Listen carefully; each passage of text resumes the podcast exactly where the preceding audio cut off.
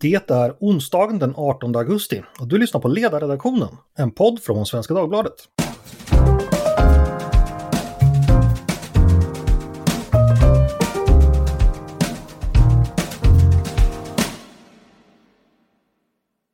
Välkomna! Idag offentliggjorde Liberalerna att Mauricio Rojas är tillbaka i partiet som riksdagskandidat och integrationspolitisk rådgivare åt partiledare Nyamko Sabuni. Rojas har tidigare varit riksdagsledamot för Liberalerna mellan åren 2002 och 2008. Och idag är han gäst i podden för att berätta om varför han är tillbaka i svensk politik. Välkommen hit Mauricio! Tack så mycket! Får börja med att fråga, hur kommer det sig att du är tillbaka? Var det Nyamko som ringde dig eller var det du som ringde henne? Eller varifrån kom initiativet? Det, det var flera liberaler, inte minst från Skåne, plus Nyamko, som ringde mig Eh, vi pratade om det och jag tyckte det var ett eh, mycket intressant, mycket angeläget eh, både uppdrag att vara hennes rådgivare men också att kandidera till riksdagen. Vad är det du främst vill göra nu eh, som integrationspolitiker fram till valet och även efter valet ifall det blir ett regeringsskifte? Vad är det viktigaste eh, du tror behöver göras? Jo, det uppdraget jag har fått det är framförallt att få fram, att ta fram en borgerlig integrationspolitik. Att göra det i god tid så att eh, en ny regering som jag hoppas kan bildas eh, efter valet i september kan ta itu med den här frågan direkt. Frågan eh, är för viktig. Väljarna efterfrågar att man handlar. Man har pratat mycket om det tid för att man ska handla åtminstone lika mycket. Så det är meningen att, att, att, att få ihop någonting som kan bli den borgerliga regeringens integrationspolitik. Har du redan nu några tankar på hur den skulle kunna se ut? Ja, men det, det finns i de olika integrationsprogram. Eh, Moderaterna har gjort ett stort arbete kring det. Eh, Folkpartiet har eh, det som kallas för eh, förortslyftet och jag tror att det finns en, en, en eh, grundsyn som pekar på tre grundläggande saker. Arbetet istället för bidrag. Trygghet, det vill säga bort med kriminalitet, parallellsamhällen och allt det här. Och att skolan ska fungera så att de unga kan få en rimliga möjligheter i Sverige. Det, det är för mig det som jag kallar för integrationspolitikens treenighet. Mm. Det är de tre, tre, stora fötter som, som måste finnas eh, där. Sen finns det en samsyn om att det är brådskande, att det är viktigt. Så det finns en beredskap, någonting som inte fanns 2006 till exempel, att göra den här frågan till en prioriterad fråga. Vi kan inte vänta längre och jag tror att jag tycker att alla de här tre partierna har, har det där insikten. Mm. Och det, det, det, det, det gjorde att jag uppfattade det som väldigt positivt och intressant mm. att komma tillbaka. Vi ska återkomma till 2006. Jag tänkte bara fråga, när du beskriver den här treenigheten, eh, skola, lag och ordning och arbete. Det låter ju ändå som ett ganska enkelt recept. Hur kommer det sig att partierna i Sverige fortfarande inte, vi har ju diskuterat integrationsfrågor i 15-20 år, hur kommer det sig att man fortfarande inte har lyckats sjösätta de reformer som krävs för att, för att säkerställa integrationen? Ja, det jag upplevde åtminstone när jag var aktiv, det var att man hade in, inte insett hur viktigt frågan var. Man trodde att det skulle lösa sig, att, att eh, om man gjorde lite mer av det man hade alltid gjort, det skulle det, det, det bli okej. Okay. Eh, eh, vi varnade för att så var det inte. Det behövs ett helt annat grepp Eh, det behövdes en, en idé om att eh, skyldigheter och rättigheter, en integrationsväg där man successivt eh, erövrade så att säga rättigheter i Sverige. Eh, eh, det var det, det var det som kallades för kravliberalismen, att ställa krav och så vidare. Och andra tyckte att det var förfärligt, att det var rasism. Till och med att kunna prata lite svenska för att bli svensk medborgare eh, eh betraktades då som, som ett utslag för rasism. Det där har lyckligtvis eh, förändrats. Alla inser att man måste göra saker. Inte alla har eh, eh tänkt ut vilka åtgärder och det har både eh, Liberalerna och Moderaterna mycket, mycket omfattande program i, på alla, alla dessa tre områden. Eh, så, så nu finns det eh, tror jag, en, en medvetenhet och en vilja också att, att ta itu med de här frågorna direkt efter valet. Kan man sammanfatta det så att du bedömer att det är ett mer gynnsamt läge för integrationspolitiska reformer idag jämfört med när du senast var aktiv på, på 00-talet? Nej, både ja och nej. Nej, för att eh, problemen har blivit mycket, mycket djupare. Eh, när vi tittade på frågan 2004-2005 då pratade vi om utanförskapsområden. Utanförskapet var den, den stora frågan. Eh, det här utanförskapet har eh, eh utvecklats till det som man kallar för parallellsamhällen. Mm. Som är mycket, mycket både besvärligare och djupare utanförskap med parallella maktstrukturer. Eh, eh, på det viset blir det mycket svårare, givetvis. Vi har fått också ungefär en miljon personer till, en mycket stor migration Eh, eh, som, som alla, till och med statsministern, har förstått att det går inte ihop att ha en så stor migration när man har en mycket dåligt fungerande integrationspolitik. Så har det varit tyvärr. Konsekvenserna kan alla så att säga se idag eh, eh, på, på ett sätt som, som det var inte tydligt då, eh, 2005, 2004. Men det är klart, eh, bomber, skjutningar och hela det här eh, Eh, ja, våldsspiralen, det har gjort att frågan blir jätteviktig. Eh, så. Mm, jag tänkte fråga om just integration, för som du säger, jag räknar lite snabbt ihop. Under 2010-talet har Sverige beviljat ungefär 1,3 miljoner människor uppehållstillstånd. 300 000 av dem är flyktingar, drygt 100 000 är flyktingar, anhöriga till flyktingar. Har den invandringen varit för hög relativt de integrationsproblem som har funnits i landet? Borde Sverige ha minskat migrationen tidigare tycker du? Idag säger det praktiskt taget alla. Det, kanske någon ytterkantsparti som Vänsterpartiet, vad vet jag, säger något annat, eller Miljöpartiet. Men det, det här var statsministern deklarerade för ett par år sedan att, eh, att landet klarade inte helt enkelt den stora migrationen. Det var det, det, det vi befarade i början på 2000-talet. Vi beskrev då ofta att om det här fortsätter på det här viset med, med en växande utanförskap, då kommer vi inte att kunna klara det här öppenhet, den här stora migrationen, viljan att ta emot människor. Det har tyvärr inträffat och nu är, tror jag, praktiskt taget alla överens om att vi måste ha en, en, en begränsad migration så att vi kan sätta igång med det här arbetet att fixa de mm. problem vi har idag. En annan skillnad från när du lämnade politiken senast, det är ju att invandringsmotståndet mobiliserat, eh, mobiliserats kring Sverigedemokraterna. De är ett av de största partierna idag. När du lämnade var de ett parti som inte ens fanns i riksdagen. Vad betyder den mobiliseringen av invandringskritiska röster för möjligheten att eh, handskas med de här frågorna, tror du? Den mobiliseringen, det, det, är ett, eh, det är en produkt av det misslyckande som det politiska etablissemanget eh, eh, eh, då upplevde då. Det, det, det är för att vi inte tog itu med de här frågorna. Och det var någonting som vi pekade på eh, många gånger. Att, att, för att människorna är besvikna, de är missnöjda, de ser att det här funkar inte. Och då behöver de ett politiskt uttryck för det här. Som Sverigedemokraterna har blivit. Eh, så de finns där och eh, det, det, det, det är en viktig väckarklocka. Däremot har de inte någon integrationspolitik att tala om. Ämnet finns överhuvudtaget inte i deras program. Det verkar som att eh, deras idé för att fixa de problem som Sverige har är att många ska återvända, att människorna ska lämna Sverige. Och när vi har två miljoner invandrade personer eh, och flera hundratusentals i utanförskap, då, då, då är det här inte någon lösning som, som, som fungerar. Så jag hoppas att de kommer med bättre förslag. Det enda förslaget jag har läst om eh, i deras program det är att skapa något som de kallar för Sverigecenter. Ett slags informationskontor i, i utsatta områden. Det räcker inte, man behöver mycket mer. Och, och, och där finns både Moderaternas och inte minst eh, Liberalernas arbete för att kunna driva de här eh, frågorna.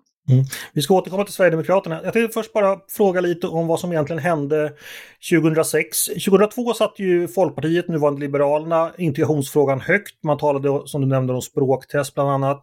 Partiet hade starkt stöd, man arbetade mycket kring det där. Men så kom alliansregeringen och det liberala inflytandet kanske, eller, eller, många av de reformförslag som ändå fanns, som jag uppfattade kom inte riktigt fram i det regeringsarbetet. Du skriver också idag på Expressens debattsida att du upplevde att de andra partierna inte hade samma insikt och att ni från Liberalerna motarbetades. Kan du utveckla lite, vad var det som skedde regeringsskiftet 2006 med integrationspolitiken? Jo, det, det var precis det. Det fanns inte en, en beredskap, en medvetenhet om frågans eh, betydelse och att det skulle behövas eh, väldigt många och väldigt starka eh, eh åtgärder för att kunna fixa den här och vända på utvecklingen. Eh, inte minst eh, Centerpartiet agerade bromskloss. Jag själv fick ett slags yrkesförbud från Maud Olofsson. Hon sa nej, Rojas får inte förekomma i någonting som har med, med den här regeringen att göra inom integrationspolitiken det, det, det, det, var för mig något ganska obegripligt. Eh, men så var det. Och, och eh, det här gjorde att eh, de förslagen som vi hade utarbetat, det perspektiv vi hade då eh, inom Folkpartiet då, blev inte central i det arbete som, som regeringen drev. Nu är läget annorlunda. Det, det är det som gör att jag vill komma tillbaka och hjälpa till. Nu finns det en medvetenhet. Tyvärr har det tagit eh, 15 år kanske att få det fram. Men nu finns det de politiska förutsättningar för att kunna ta itu med de här frågorna på ett helt annat sätt. Mm. Eh, jag tänkte, när man pratar integrationspolitik så pratar man, kommer man ibland in på frågan om assimilering. Hur ser du på den saken? Vad skiljer integration från assimilering? Och kan det ibland i vissa frågor behövas en mer av assimilering? Eh, hur tänker du kring det? Eh, ja, först betona, alltså som vi gjorde tidigt också, att problemet är inte, är inte invandrarskapet. Det är utanförskapet. Det är den situationen vi måste fokusera och vi måste göra något åt. Problemet är inte att människorna kommer från andra länder eller att de är annorlunda och så vidare. Problemet är att de hamnar i en situation som, som, som leder till ja, det vi har sett uttrycket eh, bidragsberoende och så vidare. Så det, det, det, är viktigt att skilja det ena från det andra, inte alla gör det. Men, men vi har det här fokus på utanförskapet, det, det är det som ska eh, brytas. Tenderar inte integration ibland att bli lika med assimilation, att det egentligen är assimilation man vill ha när man pratar om integration? Vad tänker du om det? Nej, det, det, inte åtminstone eh, ur ett liberalt perspektiv. Det man vill ha är att människor som fungerar, som är produktiva, som ger ett bidrag till landet, som respekterar eh, lagarna, som kan fungera i Sverige. Och det kräver en ganska stort, eh, både kulturellt eh, och värdemässig anpassning. Mm. Eh, assimilation, det, det, det, är en process som framförallt i den globaliserade världen vi lever i, det, den är helt orealistisk. Att, att människorna skulle bli Eh, svenskar på något sätt av den där gamla sorten som, som ingen vet om det, om det finns längre. Det tror jag inte alls på. Det, det är vad Sverigedemokraterna har betonat att det, ska vara assimilationspolitik. Eh, om det vore så, jag betraktar det som rent destruktivt. Det ska ha mångfald, men det ska vara ett fungerande mångfald och det ska vara en svensk mångfald. Den ska bygga på det språk, det arv, den kultur som Sverige har utvecklat under århundradena. Eh, eh, felet man gjorde, den här multikulturalistiska eh, idén, det var att allt var okej okay för det första, det var ett kulturrelativistiskt eh, synsätt. Och, och, det fanns ingen gemensam grund för den här mångfalden. Och där betonar vi och idag betonar eh, både moderater och kristdemokraterna att det är Sverige, vårt språk, vår arv som är grunden för att kunna göra att den här stora mångfalden ska kunna fungera. Men det är något helt annorlunda än idén om assimilation, så som mm. jag har hört. Eh, jag undrar, när du tänker dig en integrationspolitik som har lyckats, vad tänker du dig då? Vilka mått ska vi använda för att se huruvida vi har lyckats med integrationen? Ja, det, det, det finns många olika mått som kompletterar varandra. Ett, ett mått det, det, det är försörjning, att, att den stora majoriteten människor ska kunna försörja sig själva, arbeta, bidra. Det är en mycket, mycket viktig del av det. Eh, eh att det ska inte finnas några parallella strukturer, maktstrukturer, parallellsamhällen. Eh, alla de där är viktiga eh, eh tecken på, på att det fungerar. Men i grunden, eh, det är när de yngre, barnen till de invandrade, eh, eh, ser vägen in i samhället och, och, och bejakar det som vårt samhälle Och för det måste de få en slags en, en, en, en värdighet som bara arbetet eh, eh, kan ge. Det, det, det har många saknat.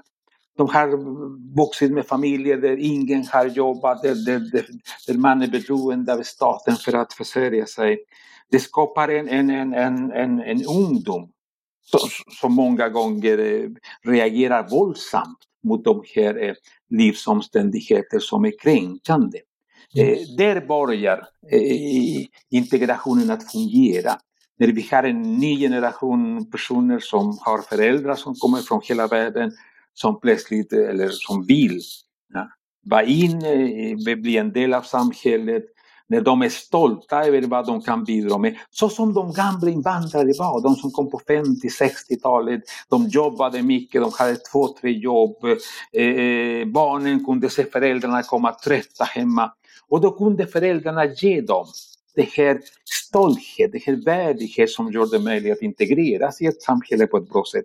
Det där har inte funnits så mycket av under de senaste 20-30 åren utan det, det, är många som saknar just det. Mm. Och vi ser följderna också i, i många av våra utsatta områden.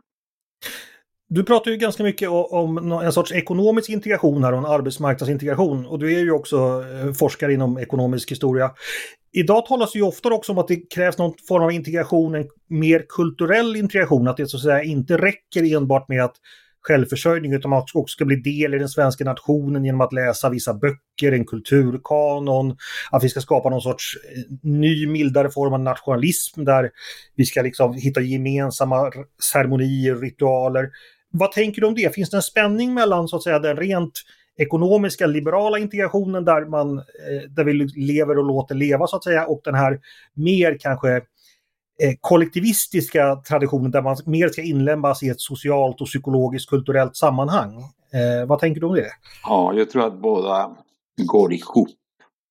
Eh, det betyder inte att människorna ska så att säga assimileras på det, det gamla sättet men det är klart att, att eh, vid sidan av det ekonomiska eh, måste finnas en, en, en kulturell eh, beredskap att kunna leva i ett samhälle, då måste man begripa, då måste man kunna det här samhällets historia. Man pratar om de här klassikerna, man kan ta allt. Eh, själva språket är, inte minst det svenska språket, är sprängfyllt med, med, med, kulturella, historiska företeelser som, som så att säga bygger upp språket. Allt det där är jätte, jätteviktigt. Inte för att det ska vara nationalistiskt, utan för att Sverige ska kunna fungera, att människorna ska kunna fungera i Sverige. Då, då måste man kunna det här. Inte för att gilla eller ogilla saker och ting, utan för att kunna fungera. Och kunna, och kunna eh, både bidra till samhället och kunna utvecklas på ett bra sätt. Jag pratar inte om nationalism, men det där är mera Sverigedemokraternas eh, budskap. Men jag pratar gärna om patriotismen. Det vill säga kärlek till den eh, plats, eh, den, det, det land du lever i, du, du, du verkar i. Det, det, det är jätteviktigt. Det, och, och, det är någonting som förenar oss i, i, i hela den olikhet som, som det finns i samhället och som det kommer att växa också genom eh, globaliseringen. Men patriotismen är viktig, det här att, att vi, vi, vi har något gemensamt projekt trots allt. Eh, man kan kalla det för kollektivistiskt eller något sånt, men jag tror att eh, det, det, det individualistiska eller individen kan inte leva, kan inte fungera utan något någon gemenskap med andra. Gemenskap och individ är två sidor av samma mynt. Och eh, om det finns liberaler som bara tittar på det, det individen och individualiseringen och tappar det andra, det, det, det gemensamma, det som gör att vi kan dela på en plats och, och, och enas om mycket, då, då, då, då kommer det inte fungera. Det, det, man behöver båda, båda sidor. Mm. Kanske det finns några liberaler som har tappat just den här sidan, det, det, det gemensamma. Och det, det, det är oerhört viktigt. Mm. Om du tittar ut över världen, eh, vilka länder tycker du vi har att lära ifrån när det gäller integration? Var hittar du best practice inom olika integrationspolitiska jo, praktiker? Det, det, det finns eh, många intressanta exempel. Jag, jag, tror inte att man kan peka på ett land som där finns eh, receptet för, för, för framgången. Men det finns eh, till exempel någonting som har alltid intresserat mig mycket. Det är hur eh, i Förenta Staterna man eh, eh kunde eh, återuppliva och, och hämta tillbaka så att säga eh, eh getton. De här mycket, mycket eh, utsatta och eh, fördärvade stadskärnor som många betraktade som hopplösa på, på 70-80-talet. Men sen har det blivit en jättestor förändring. Eh, det är Bronx eller eh, Harlem. Eh, det, I varje amerikansk stad finns det ett exempel. Det, det, det var otroligt intressant. Det är väldigt många experiment och man måste lära sig, man kan lära sig mycket av det. Liksom i det, den, den stora reformen som Bill Clinton satte igång, den här Eh, welfare-reformen, det här eh, välfärdsreformen där man skulle gå från bidrag till arbete. Det finns också mycket. I Frankrike finns det mycket intressanta exempel på hur man bekämpar den, den våldsbejakande eh, islamism till exempel. I, I, Danmark finns det nog planer som är intressanta att titta på vad gäller att få bort eh, eh de här mycket utsatta och segregerade förorter. I Kanada finns det mycket intressanta exempel. det började i Toronto redan 1970. Hur man skapar allianser med näringslivet så att man kan sätta igång en, en, en, en återhämtningsprocess eh, vad gäller företagande och jobb i utsatta områden. De kallas för BID, eh, Business Improvement District. Eh, det finns olika namn. Så, så, så, så, kan man fortsätta och det här kommer att bli en del av mitt arbete. Men i Sverige har vi några strålande exempel på att det går att vända på. Landskrona, det här liberalt styrda kommunen i Skåne. Mm. Torkild Liberalerna stad. Ja, 35 procent av resterna fick Torkild vid senaste valet. Det, det, det, det, så att Landskrona var sinnebilden på en kommun i, i, i, som, som allt gick fel nedläggningar, eh, tomma bostäder, bidragsberoende. Så om, om, om, om man kunde med liberal politik vända på utvecklingen i Landskrona, då kan man verkligen göra det i Sverige. Det, det. Sen mm. finns det andra kommuner som. Det, men, men som sagt, det, det gäller att inte bara titta på olika exempel utan också på andra partiers förslag. Det, det, det, spelar ingen roll om det är Vänsterpartiet mm. eller om det är Socialdemokraterna eller Sverigedemokrater. Om de har bra förslag, bra idéer vad gäller hur man bryter utanförskapet, då ska vi ta tillvara dessa. Jag tänkte just Sverigedemokraterna, eh, det har du säkert märkt även fast du har varit i en position utanför Sverige, att större delen av det politiska samtalet det senaste decenniet har handlat om just om Sverigedemokraterna. Eh, vad tänker du om att eh, en borgerlig regering ska ta parlamentariskt stöd av Sverigedemokraterna? Är det tänkt efter valet ifall det behövs? Eh, är det någonting som ett, går att bygga liberal politik på ett sverigedemokratiskt stöd? Det är så att det är oerhört viktigt att byta regering. Att vi får en borgerlig regering.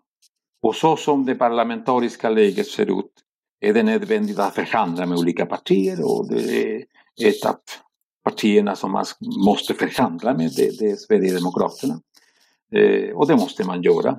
Eh, jag tror inte att det kommer att finnas problem inom integrationsområdet för att de har inte något, någon politik där att, att prata om. Så, så jag tror inte att det kommer att finnas konflikter. Kanske, kanske inom andra områden kommer det att vara så. Att alternativet till det, det är att vi ger eh, Socialdemokraterna ett slags evig monopol på att regera landet. Det, det, det, det, kan inte vara uppgiften för ett borgerligt parti, för ett liberalt parti, att ge Socialdemokraterna den typen av ställning i, i, i svensk politik. Och det är det som till exempel Centerpartiet måste tänka på för att eh, eh, eh att gå till valet på att inte kunna regera. Att inte kunna driva borgerlig politik. För ett borgerligt parti måste vara väldigt svårt. Så jag tror att eh, så är vår verklighet och det kommer att, att, att förhandlas. Och jag hoppas att eh, det blir en annan regering. Mm. Men finns det inte en risk för, att... Så, så, så, har det, så har det varit i Landskrona sedan 2006. Ja. Eh, så, så, så det är klart att det går att, att regera, det går att ändra på, det går att vända på situationen också när det finns en, en, en, en, en ja i Landskrona har det varit kring 20 procent av rösterna. Så, så det är klart att det går. Men finns det inte trots allt en risk att eh, liberala eller högerpartier generellt, eller partier generellt, hamnar egentligen i samma position som SD och säger att nu säger vi stopp till vidare invandring, men vi vet inte så mycket vad vi ska göra och att man aldrig återvänder till någon sorts öppenhet för att man helt enkelt tappar hoppet om möjligheterna. Att det helt enkelt blir SDs linje som vinner till slut. Finns den risken tror du? Nej, men det är tvärtom. Eh, om vi inte gör någonting, då hamnar vi där allihopa. För då kommer problemen att vara så stora, de är redan mycket stora att det kommer att finnas en, en, en stor folkopinion för att stänga gränserna och säga att invandringen är ett problem i sig. Att vi vill ta itu med det här, och det, så var det redan i början på 2000-talet, berodde på att öppenhet, att ha ett tolerant, öppet samhälle som, som vi liberaler gillar med, med mycket mångfald, med fungerande mångfald, är helt beroende på att integrationen ska fungera. Och, och, det är det som förstör, det är det som sabbar för att behålla ett, ett öppet tolerant samhälle. Så det vi gör, det vi vill göra, är egentligen det som kunde i det långa loppet eh, bromsa framväxten av partier som Sverigedemokraterna. För då kommer folk att se, det finns ett alternativ, det finns en möjlighet att, att, att, att, att bygga upp ett bra samhälle som har öppenhet och, och mångfald. Eh, men då krävs det en politik som gör det möjligt. Mm. Om en Reinfeldt-regeringen från 2006 hade var fört en integrationspolitik mer enligt Liberalernas dåvarande eh, recept, hade Sverigedemokraterna då haft svårare att komma in i riksdagen tror du? Ja, absolut säkert. Det, det, det är jag helt övertygad om. För att Sverigedemokraterna är, eh, vad gäller eh, deras eh, väljare, helt beroende på den här känslan av misslyckande. Och inte bara misslyckande, integrationsmisslyckande, utan handlingsförlamning. Att inte göra något, att ingen gör någonting. Att man låter det bara växa, de här problemet. Att parallellsamhällen växer, att brottsligheten växer, att allt det här. Så, så, så det, det, Sverigedemokraterna är en produkt av vårt misslyckande. Och när vi inte tog i med de, med de här frågorna då, då, då banade vi vägen för att de skulle bli så stora som de har blivit. Mm. Eh, ska bara hinna ner med några frågor om andra politiska eh, ämnen också. Jag tänkte skolan, det var ju när du lämnade Liberalerna senast var ju det en stor paradfråga för Liberalerna. Hur ser dina tankar ut kring idag kring svensk skola och framförallt friskolesystemet? Och då tänker jag också förhållande till integration och segregation. Har du omprövat några tankar kring hur skolan fungerar eller borde fungera? Ja, det skolan är mycket viktig. Det är centralt för liberal politik. Eh, och vi måste, eh, mm. för att kunna ha en, en, en, en mångfald i skolan, måste vi ta itu med de problem som finns med, med, med den frihet som vi öppnar och som vi har öppnat genom skolpengssystemet. Till exempel eh, eh, sektskolor, fundamentalistiska skolor, det det som vi har sett. Det där kan inte tolereras givetvis, det är missbruk av den här friheten. Att, man driver en, en, politik för att tjäna så mycket pengar som möjligt så fort som möjligt kan inte heller vara en bra del. Så eh, varje förändring, varje förbättring kräver att man eh, eh noggrant följer de problem som kommer att växa upp och vi har sett eh, många av dessa problem eh, eh som vi inte var eh, medvetna om i början på 2000-talet. Då var det, det hade inte blivit så synligt. Så, så det måste vi ta i. Men jag tycker att inte minst vad gäller integrationen är jätteviktigt med mångfald, med konkurrens mellan olika skolformer, eh, skolor som är till för att tillfredsställa föräldrarnas eh, ja, vilja och att ha en viss skolform utan att man Eh, eh, eh, tillåter den här typen av extrema skolformer som, som egentligen isolerar barnen och, och, och, och predikar eh, principer, värden som, som är helt emot det demokratiska samhället. Det, det, det kan inte tolereras. Och det måste man eh, eh, ta i med, med, med kraft. Mm. Eh, du, en sista fråga. Du har ju varit utanför Sverige ett tag, gjort, jobbat inom akademin och även politiskt i Spanien och, och Chile. Eh, finns det någonting, vilka erfarenheter har du tagit med dig från eh, den perioden? Dels i Spanien och dels i Latinamerika som skulle kunna få ha bäring på svensk politik? Ja, det finns en stor eh, erfarenhet eh, av negativ slag. Och det är att det är jätteviktigt att inte att de politiska konflikterna ska inte leda till eh, fientlighet eller, eller våldsamma angrepp. Att, att, att, att vårda det demokratiska samtalet är jätteviktigt. Att vara försiktiga när man eh, säger något om de andra, att stämpla ut någon.